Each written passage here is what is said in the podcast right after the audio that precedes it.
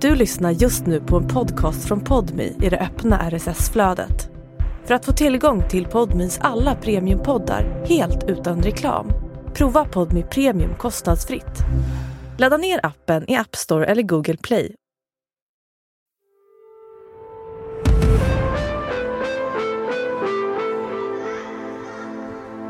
Vi behöver hjälp här och det här är personen som ska hjälpa mitt barn. Den unge barnläkaren har ett imponerande CV och är väldigt omtyckt av kollegor och patienter. Men 2018 åtalas han för sexualbrott mot över 50 barn. Brott som ägde rum vid läkarundersökningar. Hur gick det här till? Får det vara så här? Vad händer nu? Jag tycker fortfarande att det, att det är lite jobbigt att prata om det. Det är barn mellan 2 och 12 år som drabbas från olika delar av Sverige. Det kan gå så fel om fel människa, oavsett yrke då, med en auktoritär bild, utövar oegentligheter. Han fick nog till det eh, på att han var väldigt noggrann doktor, att han ville undersöka allting. Föräldrarna gjorde som doktorn sa. Då kände de sig väldigt, väldigt lurade. Det är inte förrän det händer som man fattar att det verkligen kan hända vem som helst. Du lyssnar på Podmi Dokumentär och det här är tredje och sista delen av Doktor Övergrepp. En serie i tre delar av mig, Joanna Goretzka. Vi vill varna dig som lyssnar att den här serien innehåller skildringar av sexuella övergrepp mot barn.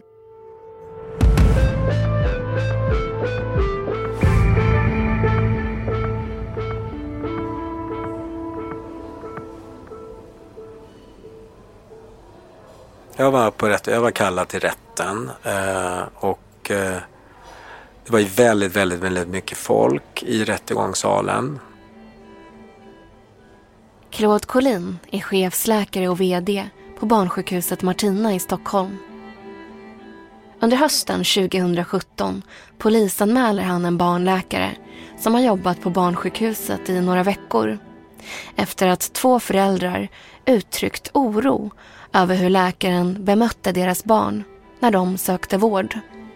Läkaren häktas och åtalas för grova sexualbrott mot barn.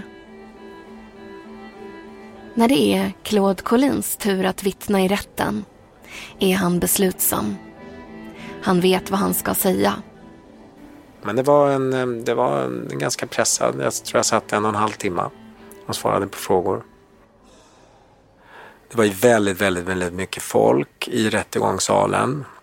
Och jag och två kollegor var också kallade dit. Så vi var tre som var kallade. Och jag minns att mina kollegor var väldigt, väldigt oroliga inför det här för man visste att det skulle bli pressat och det var väldigt mycket folk i rättegångssalen. Jag minns att jag var inte ett dugg orolig för jag visste vad jag skulle säga och jag visste att jag var säker på det. Han minns ljudet av pennor som rasslar i anteckningsblock. Nej men det var ju tryggt. Det är ju många som lyssnar och det är många som tittar och man sitter ju väldigt speciellt eh, långt fram. Eh, och eh, stämningen, det är, ju, det är ju tyst. Det är ju inte som på film. Det är liksom tyst allting. Men det ställdes många frågor, det antecknades och i och med att det är många målsägande så är det många advokater där också som antecknade. Så det var ganska intensivt så tillvida att man kände att väldigt många var där. I vittnespodiet berättar Claude Collin om veckorna då barnläkaren, som vi i det här programmet kallar David, var anställd på Martina. Han berättar om saker som rullades upp kring barnläkarens patientkontakter under utredningen. Jag vet att han ringde upp patienten på kvällen. Eh, jag vet också att han kom åt våra mottagningsbesöklistor. Vi har ju en, en kvinnlig hormondoktor som studerar för tidig pubertetsutveckling, eller pubertetsutveckling hos barn, hos barn. Han ringde upp och sa att han var specialist på de områdena och att han kan träffa på tidigare besök än vår tänkta kollega som är specialist på området. Allt det här rullades ju upp under hela utredningen vart efter vi kontaktade alla föräldrar. Barnläkaren ringde alltså upp patienter som skulle på besök hos specialisten på pubertetsutveckling och sa att de kunde få ett tidigare besök hos honom istället. Han utgav sig själv för att vara specialist på pubertetsutveckling. Något som inte stämde. David var inte ens helt färdigutbildad. Han hade väldigt kort tid kvar till att bli specialist på, på, inom vad vi säger allmänpediatrik, och det betyder att vara allmänläkare fast på barn. Man kan lite av varje.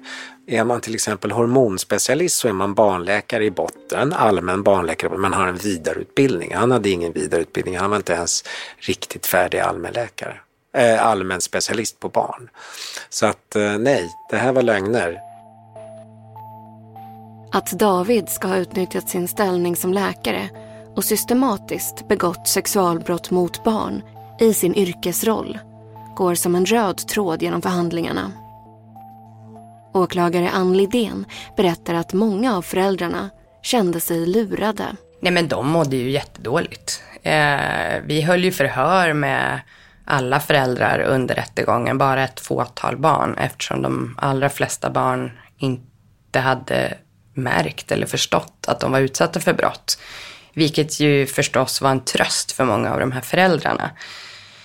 Men föräldrarna mådde väldigt dåligt. Det var många som uttryckte eh, skam och skuldkänslor inför att de har låtit sina barn bli utsatta eh, för det här. Eh, att det var väldigt jobbigt, att de kände sig lurade eh, och eh, förledda av den här läkaren. Och att de undrade över hur deras barn mådde. Eh, många föräldrar sa att de i, ha, hade undvikit att prata med barnen om rättegången, om åtalet för att skydda dem från det här. Eh, men det är klart att de funderade mycket kring om de skulle låta det vara så eller om de i framtiden skulle berätta för sina barn och hur de skulle göra och så vidare. Men jag skulle säga att ja, de allra flesta föräldrar mådde väldigt dåligt över det som hade hänt. Och framförallt att de kände sig så lurade av en person som de trodde att man kunde lita på. Och det är ju också en del i att flera av de här brotten rubricerades som grova. Just på grund Here's a cool fact. A crocodile can't stick out its tongue. Another cool fact, you can get short-term health insurance for a month or just under a year in some states. United Healthcare short term insurance plans are designed for people who are between jobs, coming off their parents' plan, or turning a side hustle into a full time gig. Underwritten by Golden Rule Insurance Company, they offer flexible, budget friendly coverage with access to a nationwide network of doctors and hospitals. Get more cool facts about United Healthcare short term plans at uh1.com. Av att läkaren hade utnyttjat den särskilda förtroendeställning eh, som det ju faktiskt är att vara läkare i förhållande till patient och patientens vårdnadshavare. Det tror jag, eller det, det blev tydligt att eh, föräldrarna gjorde som doktorn sa. I något enstaka fall så var det någon förälder som tydligt hade ifrågasatt eh, varför man skulle behöva göra på det här sättet. Eh, och ja, de fall som inledningsvis kom till vår kännedom var det ju också då föräldrar som hade vänt sig till sjukhusledningen. Men de allra flesta accepterade ju läkarens ord. Eh, och det blev väldigt tydligt att då kände de sig väldigt, väldigt lurade.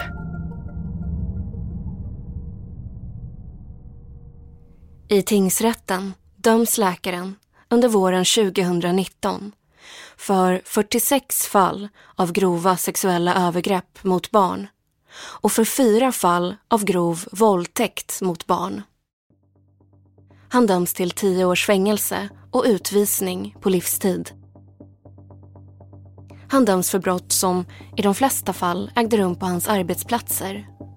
Vårdenheter i olika delar av Sverige och i appen Kry.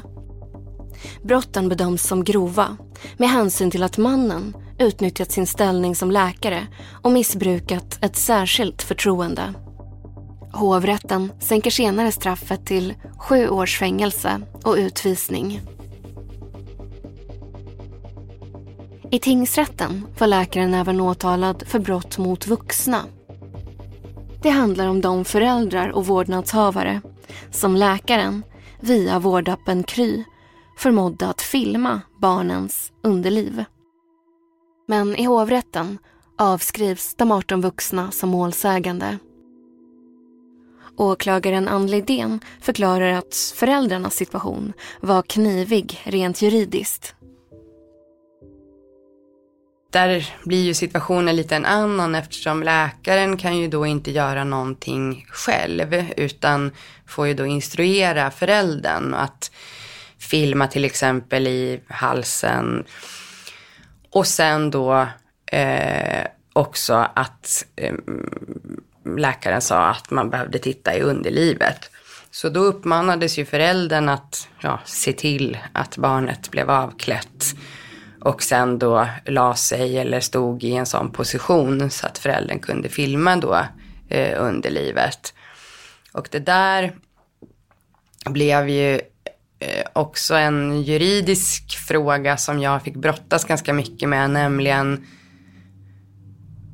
var det så att föräldrarna var utsatta för någonting eh, i och med att de var tvungna att göra det här på sina barn. Jag kom ju fram till att det var på det sättet. Det var därför jag åtalade den här läkaren för sexuellt utnyttjande av person i beroendeställning. Jag menade att eh, de här föräldrarnas sexuella integritet har också kränkts i och med att de tvingas göra eh, så här mot sina barn. Alldeles oavsett om de fattade det i den stund som det skedde. Tingsrätten höll med mig om det, så han dömdes för det i tingsrätten. Men hovrätten kom fram till att eh, eftersom ur föräldrarnas perspektiv så var det inte något sexuellt som pågick. De gjorde ju bara en läkarundersökning. Och även om läkaren hade ett sexuellt motiv till det här så var inte det någonting som föräldrarna eh, ens var medvetna om. Och utifrån det så kunde man inte säga att deras sexuella integritet hade kränkts genom att de var tvungna att göra det. Så hovrätten frikände honom från de åtalspunkterna. Brotten begicks mellan 2015 och 2017. Då hade David jobbat på flera sjukhus i hela Sverige. När han började jobba på barnsjukhuset Martina dröjde det bara några veckor innan oroade föräldrar ringde sjukhuset. Hur var det på andra arbetsplatser? Det visar sig att det redan tidigare fanns en oro kring läkaren. Vid det tillfället hade barnläkaren genomfört en underlivsundersökning på ett barn som sökte akut vård för astmabesvär. Då anmälde föräldrarna David till patientnämnden. Men man kom fram till att undersökningen var befogad och ärendet lades ner. När läkaren satt häktad granskades ett tusental journaler på sjukhus runt om i Sverige. På flera av sjukhusen där David varit verksam upptäcktes brister i hans journalhantering. En underlivsundersökning på barn ska alltid journalföras. Något som läkaren i regel inte gjorde. I media kallas han ofta kryläkaren. Trots att majoriteten av övergreppen begicks vid fysiska möten på olika vårdcentraler. Men Kry är en ny aktör på marknaden och det här är den digitala tjänstens första stora skandal. Ehm, de här ehm, personerna eh, som håller på med sånt här, de hittar ju kryphål precis överallt. Maria Kristoffersson var verksamhetschef på Kry när allt rullades upp. Ehm, det vi gjorde direkt, det var ju att upprätta en eh, så kallad lex Maria, alltså en allvarlig händelse. Ehm, vi upprättade den och eh, i och med att man gör en lex Maria så måste man då också göra en, en genomlysning av, av allt för att se vad har vi för brister. Ehm, det var ju så att när vi eh, eh, fick reda på det här så tillsatte ju vi en eh, utredning direkt. Och ehm, i samband med den utredningen så tillsatte jag några specialistläkare som gick igenom samtliga av den här läkarens journaler. Kry granskar läkarens journaler men precis som på andra arbetsplatser är läkarens journalföring bristfällig och det går inte att utröna mycket. Maria Kristoffersson får istället ringa alla föräldrar som kan vara berörda. Kry granskar också den digitala plattformen. Och man hittar en stor säkerhetslucka. Läkarna på Kry får inte spela in videomöten med patienter och det ska inte gå att göra det från skärmen. Men med hjälp av en mjukvara som kan laddas ner till datorn var skärminspelningar möjliga. Cool fact a crocodile can't stick out its tongue. Also, you can get health insurance for a month or just under a year in some states. United Healthcare short term insurance plans, underwritten by Golden Rule Insurance Company, offer flexible, budget friendly coverage for you. Learn more at uh1.com. Get ahead of postage rate increases this year with Stamps.com. It's like your own personal post office. Sign up with promo code PROGRAM for a four week trial plus free postage and a free digital scale. No long term commitments or contracts. That's Stamps.com code PROGRAM. Under tiden som läkaren jobbade på Kry. Kry installerar sedan en programvara som omöjliggör den typen av inspelningar. Man undersöker möjligheten att göra slumpmässiga kontroller av digitala möten. Men på grund av den sekretess som gäller inom vården är det svårt. Tystnadsplikten väger tungt. Men kan man på något sätt kontrollera att ett samtal inte ja, men, spelas in av en annan apparat? Nej, det kan man inte göra. Eh, om någon skulle spela in med, jag vet inte, med sin telefon då kanske. Mm. Jag antar det du tänker på, på skärmen. Eh, det, nej, det går inte att kontrollera. Eh, mm. Och det finns sätt att kontrollera det heller. För det var ju förstås uppe på diskussion eh, när vi gjorde vår lex Maria. Hur ska vi göra det här? Ehm, för att minimera att det här händer igen. Eh, men det är ju inte möjligt.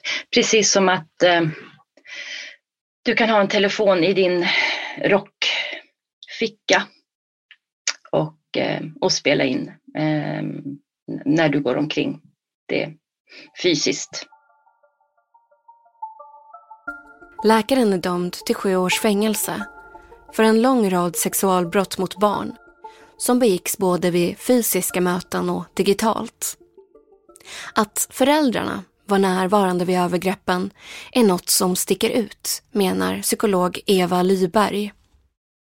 Men här när föräldern då också har varit med i själva den traumatiska händelsen, när det sker, när övergreppet sker, så blir det ju som en dubbel traumatisering. Föräldern blir ju också traumatiserad. Föräldern är också utsatt för manipulation av förövaren. Så det blir två, ja, men, två traumatiseringar, om man säger så. Mm. Och när barn blir utsatta och när barn blir rädda så vänder de ju sig till sin förälder och söker någon slags bekräftelse. Är den här situationen farlig eller inte? Här är ju också den här asymmetriska relationen, det vill säga läkaren är i en maktposition. Och vi måste ha, eller måste, men liksom, det är väldigt, väldigt svårt att gå till vården eller till skolan eller till vad man än är där man behöver hjälp från andra människor som är professionella och vara i total misstänksamhet. går, det, blir, eller det, går, det, det, det blir väldigt komplicerat om man ska liksom ifrågasätta allting, utan man utgår ifrån att du som professionell nu är här för att hjälpa oss och göra det du behöver för att få ge oss bästa möjliga vård. Är du också så, om du går med, en, med ditt barn till en läkare, till vården, då är det för att ditt barn på något sätt har ett lidande eller du misstänker, alltså det är någonting som inte är bra, vi behöver hjälp här. Och det här är personen som ska hjälpa mitt barn. Så jag behöver ju skapa en... Jag, det blir en känsla som förälder av att jag behöver få den här läkaren att, att eh, mm, känna sig bekväm med mig som förälder. Om jag kommer in och är aggressiv och ifrågasättande och, och misstänksam, då kanske den här doktorn eh, beter sig på ett sätt mot mitt barn som inte är bra. Alltså helt enkelt levererar sämre vård. Och det kan ju vara både i bedömning, undersökning, behandling. Så som förälder, jag tror att alla som är föräldrar har varit med sitt barn i en vårdsituation känner verkligen igen det. Att, att mm, mm, man gärna vill skapa, liksom, just hjälpa till att få den här förtroendefulla situationen så att, så att läkaren ger allra bästa barn, vård till mitt barn. Ett av brotten som läkaren döms för är övergrepp på en fyraårig flicka vid ett videosamtal via Kry. Läkaren förmådde då hennes mamma, Karin, att filma dotterns underliv. Karin tycker idag att det är viktigt att prata om det som har hänt. Både inom familjen och med utomstående. Hon vill bryta stigmat. Jag försöker vara ganska öppen med det här. Jag försöker prata om det ja, men med vänner och så. Dels att folk ska ha ögonen lite öppna kring vad som kan hända. Och också att det inte ska vara ett sånt stigma. Man måste kunna prata om det annars kommer liksom när saker och ting är i ett mörker så kan det hända så mycket grejer. Man måste få in saker i ljuset. Samtidigt som Karin tycker att det är viktigt att prata om det som hänt så väljer hon att vara anonym i det här programmet. Det beror på flera saker, förklarar hon. Inte minst det näthat som föräldrarna utsattes för i samband med rättegången och domen. På nätforum skriver människor att föräldrarna är ansvariga för brotten. Att de förtjänar att straffas. Jag tror att det där hänger ihop ganska mycket. Just för att det liksom inte pratas om det så finns det så himla mycket förutfattade meningar kring varför man blir ett offer och vad man hade kunnat göra annorlunda och sådana saker som också kommer med så mycket näthat istället för att ha någon typ av öppenhet och förståelse. Och så tänker jag också att mitt barn måste få bestämma själv om hon vill gå ut med sitt namn och prata om det här när hon är tillräckligt gammal. Jag kan liksom inte lägga det på henne. En sak som händelserna har fört med sig är att Karins familj talar mer öppet om kroppen och vikten av att sätta gränser. Det har blivit lättare att prata om det till vardags om nätet, om vad som kan hända där och hur viktigt det är att säga nej. När det var dags för rättegången så pratade jag med henne. Hon var ganska liten när det hände.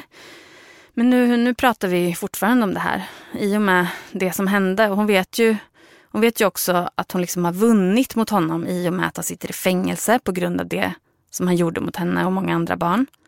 Och så har det också gjort att vi kan prata om den här typen av saker på ett sätt som är ganska naturligt. Vi kan prata om det till vardags, om kroppslig integritet, att man ska vara försiktig på nätet. Nu är hon ju i den åldern att hon börjar använda Snapchat och andra plattformar med allt vad det innebär. Så vi kan prata om vad som kan hända, vad det finns för personer, om kroppslig integritet också när man går till läkaren. Har den här händelsen påverkat ditt förtroende för vården? Nej, det skulle jag nog inte säga att den har ändå, men jag skulle nog säga att den har har kanske gjort att man liksom är lite mer på alerten. Karin känner inte heller att hennes förtroende för Kry har förstörts.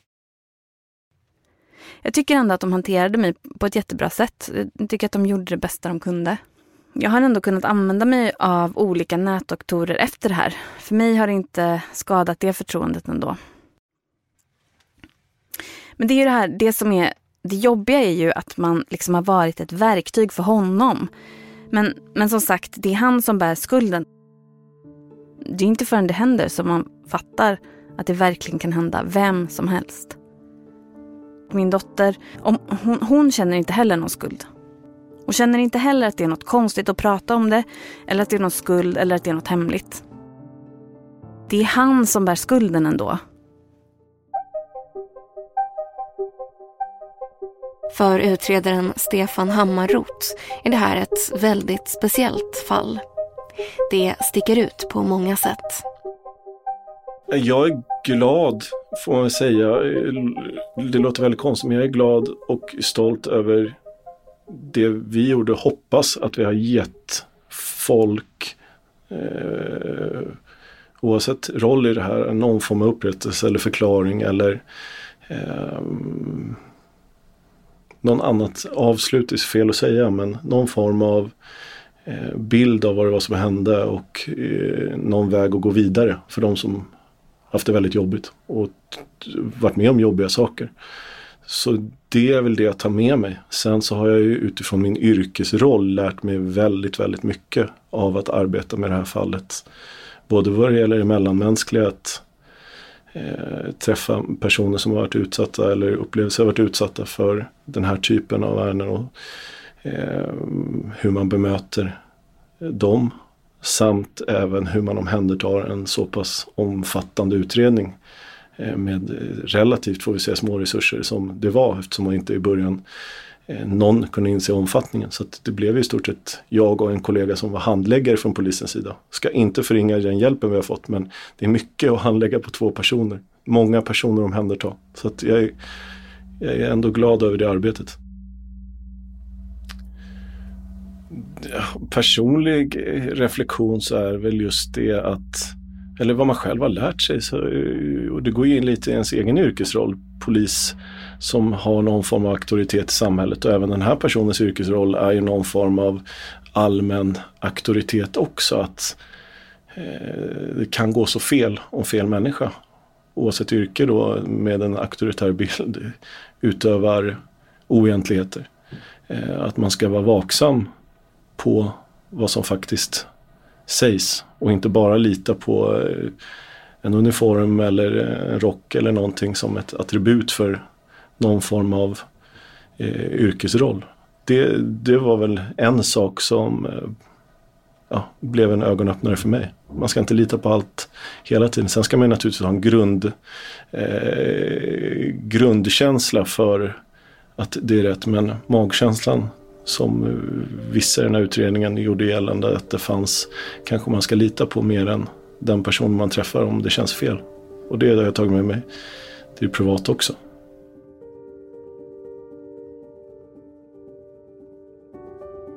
För vårdappen Kry var det här den nya tjänstens första skandal. Verksamhetschef Maria Kristoffersson minns en svår tid. Eh, jag minns den som eh, väldigt eh, jobbig faktiskt. Eh, det var väldigt eh, liksom, psykiskt påfrestande att få förstå och höra vad de här eh, barnen och eh, föräldrarna hade utsatts eh, för. Och i och med det så hade jag kontakt med föräldrar som hade träffat den här läkaren. Och det kommer jag ihåg som väldigt starkt. Jag tycker fortfarande att det, att det är lite jobbigt att prata om det. Eh, och då kan jag bara tänka mig hur fruktansvärt det måste ha varit eh, för dem. Jag är ju själv mamma och mormor. Så att eh, ja, nej det, det var svårt. Jag vet ju att alltså så här, ska man jobba med barn, det gäller ju både vård och skola, så tar man ju eh, polisregister, det måste man ju ha med sig. Eh, men det är klart, har någon inte blivit dömd innan så det är väldigt svårt att, att se. Ehm, vi på Kry ringer ju alltid referenser och hör hur det har varit, men det som sagt, har det liksom aldrig kommit fram så är det ju eh, väldigt svårt att kunna se sånt här innan. Så är det ju.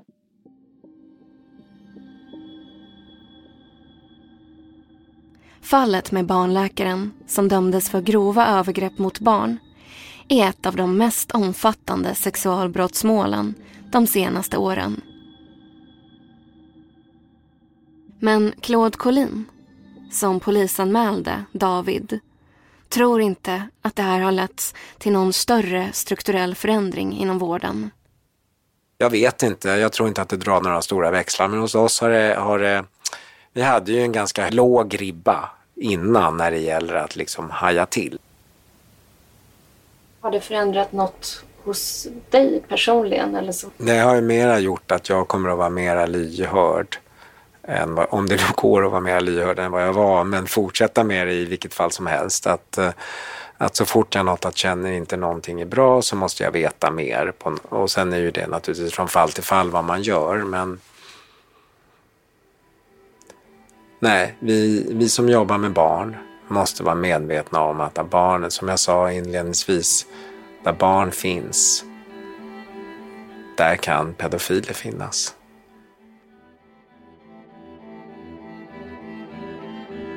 När Claude Collin tänker tillbaka på fallet idag känner han både skräck och stolthet. Stolthet över att ha tagit föräldrarnas oro på allvar och den polisanmälan som han gjorde. Eh, och jag visste, som sagt, jag säger det igen, men jag visste vad det kunde innebära. Eh, jag har byggt upp barnsjukhus Martina från 10 anställda till nästan två, drygt 200 och, eh, och jag visste att, att det här kan bli jobbigt. Nu blev det inte så, utan tvärtom. Vi var de som kom ut som visselblåsaren som vågade göra det. Och frågar du mig om vad jag är barnkirurg och opererar väldigt små bebisar och har gjort det.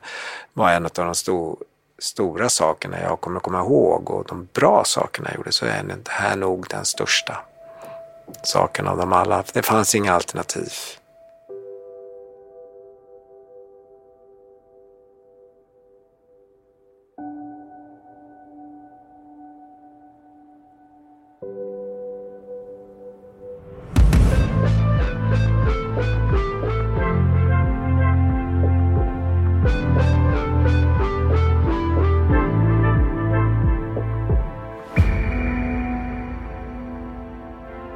Du har lyssnat på tredje och sista delen av Doktor Övergrepp. En podmin dokumentär i tre delar av mig, Joanna Goretzka, från produktionsbolaget Filt. Producent Klara Loden. Exekutiv producent hos Podmi, Emilia Melgar Arnheim. Tekniker Astrid Ankarkrona. Karin heter egentligen något annat och vi har bytt ut hennes röst. Läkaren nekar till brottet han har via sina advokater avböjt att medverka i programmet.